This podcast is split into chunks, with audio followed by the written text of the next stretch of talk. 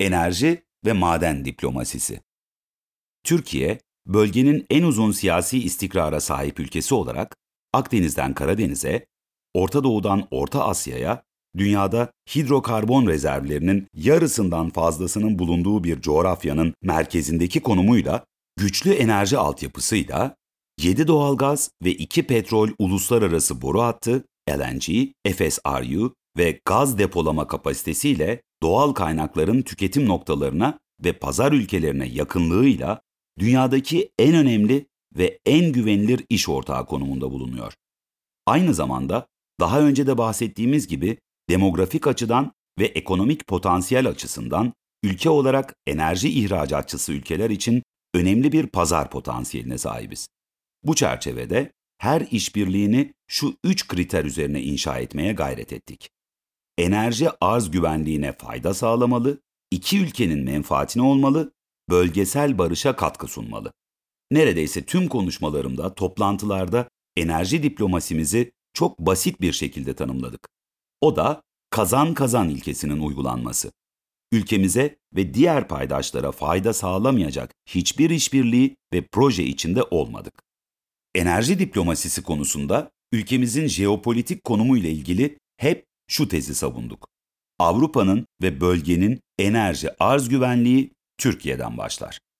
Türkiye yalnızca bir coğrafi bölge değil, aynı zamanda Doğu ve Batı'yı birbirine bağlamanın ötesinde çok daha büyük bir misyona ve vizyona sahip. Türkiye, bölgedeki siyasi istikrarın da temel unsurudur.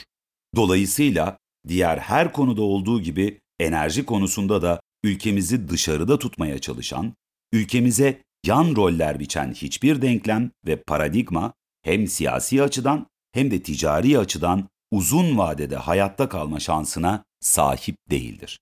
Türkiye, Doğu ve Batı arasında doğal bir enerji köprüsüdür.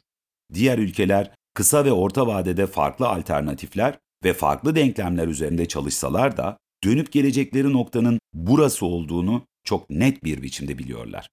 Bölgemizde doğal kaynaklar açısından zengin ama siyasi olarak istikrarsız ülkeler var. Bu ülkelerdeki çatışmaları körüklemek ya da izlemek yerine çözüm odaklı işbirliğini ön planda tutan yaklaşımlar geliştirilmelidir. Türkiye bu anlamda barışın ve istikrarın tesisini mümkün kılan yapılar inşa edilmesi için çaba sarf etmiştir. Sonuç olarak yine aynı şeyi söylemek istiyorum.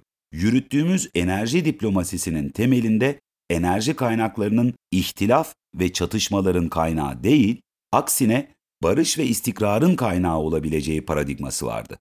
Bu yaklaşımla Rusya'dan ülkemize ve Avrupa'ya doğal gaz arzı için Türk akımı projesiyle ilgili tüm süreçler hızlı bir şekilde tamamlandığı gibi Gazprom'dan temin edilen doğal gaz fiyatının Avrupa fiyatlarıyla karşılaştırılarak indirilmesiyle ilgili görüşmeler başarılı bir şekilde tamamlandı.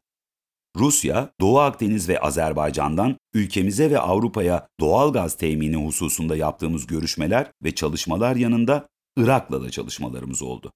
Gerçekten de Irak, gerek hidrokarbon kaynaklarının zenginliği sayesinde, gerekse tarihi bağlarımız sebebiyle hem ülkemizin hem de diğer ülkelerin hidrokarbon temininde önem arz eden bir ülke konumundadır.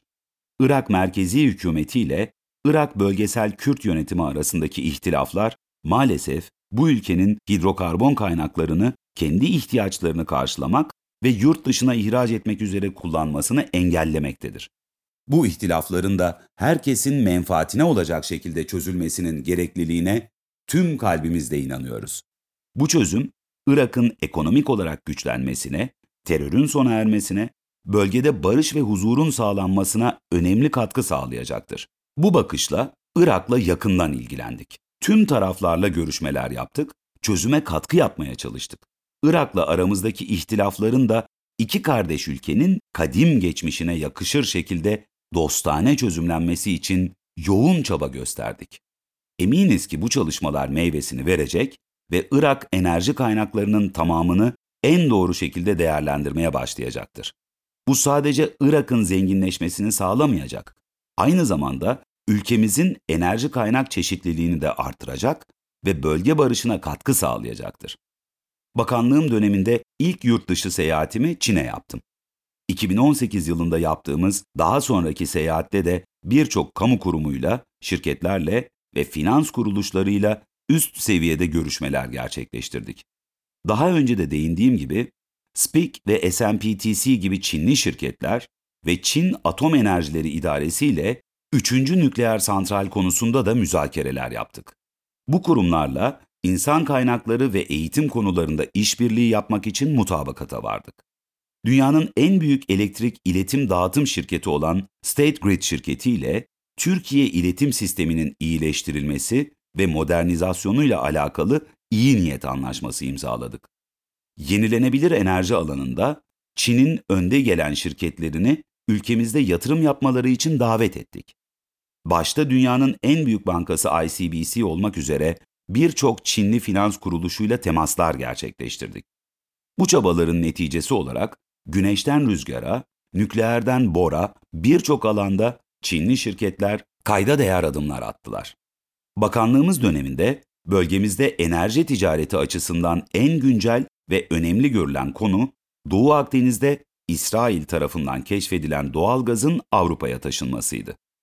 İki ülke arasındaki ilişkilerin durumu ve Rum kesiminin tutumu nedeniyle bu gazın Avrupa'ya taşınması için Türkiye'siz rotalar çalışılsa da bu kapsamda toplantılar, anlaşmalar yapılsa da farklı rotalar üzerinden Doğu Akdeniz doğalgazının Avrupa'ya taşınması fikrinin başarıya ulaşmasının imkansıza yakın olduğunu dönemimizde defaatle dile getirdik.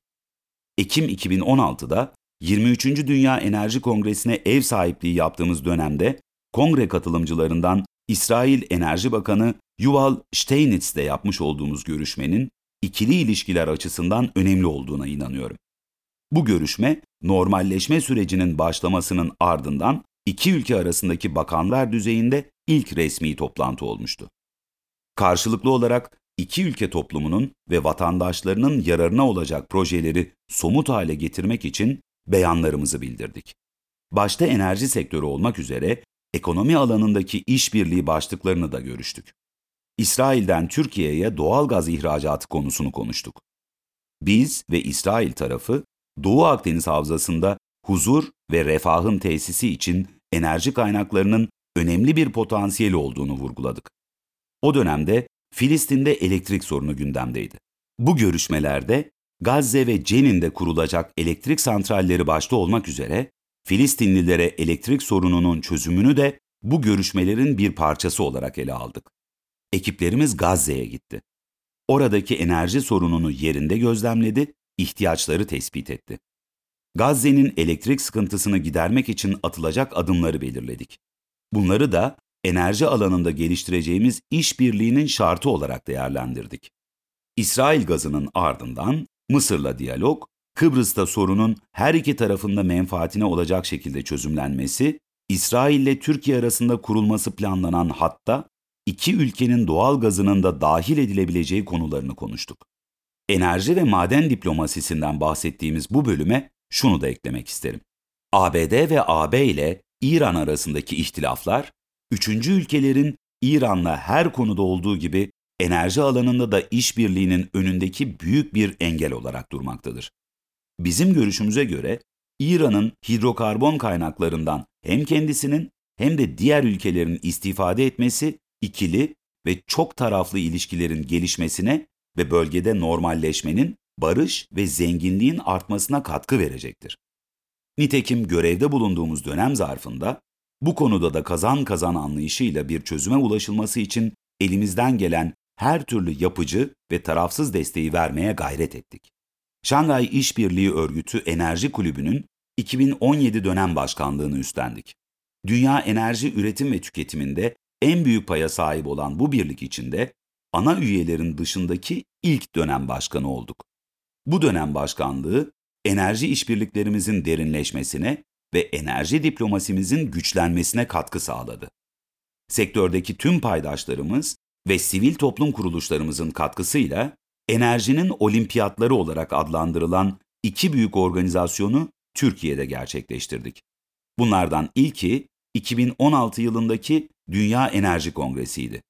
İkincisi ise 2017 yılında ev sahipliği yaptığımız Dünya Petrol Kongresi oldu. çok sayıda devlet başkanı, onlarca bakan, dünyanın en büyük enerji şirketlerinin yöneticileri ve karar verici konumunda olan profesyoneller, enerjinin geleceğini, petrolün ve hidrokarbon kaynakların geleceğini İstanbul'da konuştu. Türkiye'nin enerjideki potansiyelini, hedeflerini, stratejilerini burada bizden dinlediler. Bunun dışında ABD'den Katar'a, Cezayir'den Nijerya'ya, AB'den Mısır'a, Güney Amerika'dan Özbekistan'a, Afrika'dan Pakistan'a birçok bölge ve ülkede enerji ve maden alanında ülkemizin ve paydaşlarımızın ortak menfaatine hizmet edecek çok sayıda görüşme ve işbirliğine imza attık. Bu manada ekilen tüm bu tohumların önümüzdeki yıllarda hem diplomatik hem de ekonomik anlamda çok güzel meyveler vereceğine tüm kalbimizle inanıyoruz.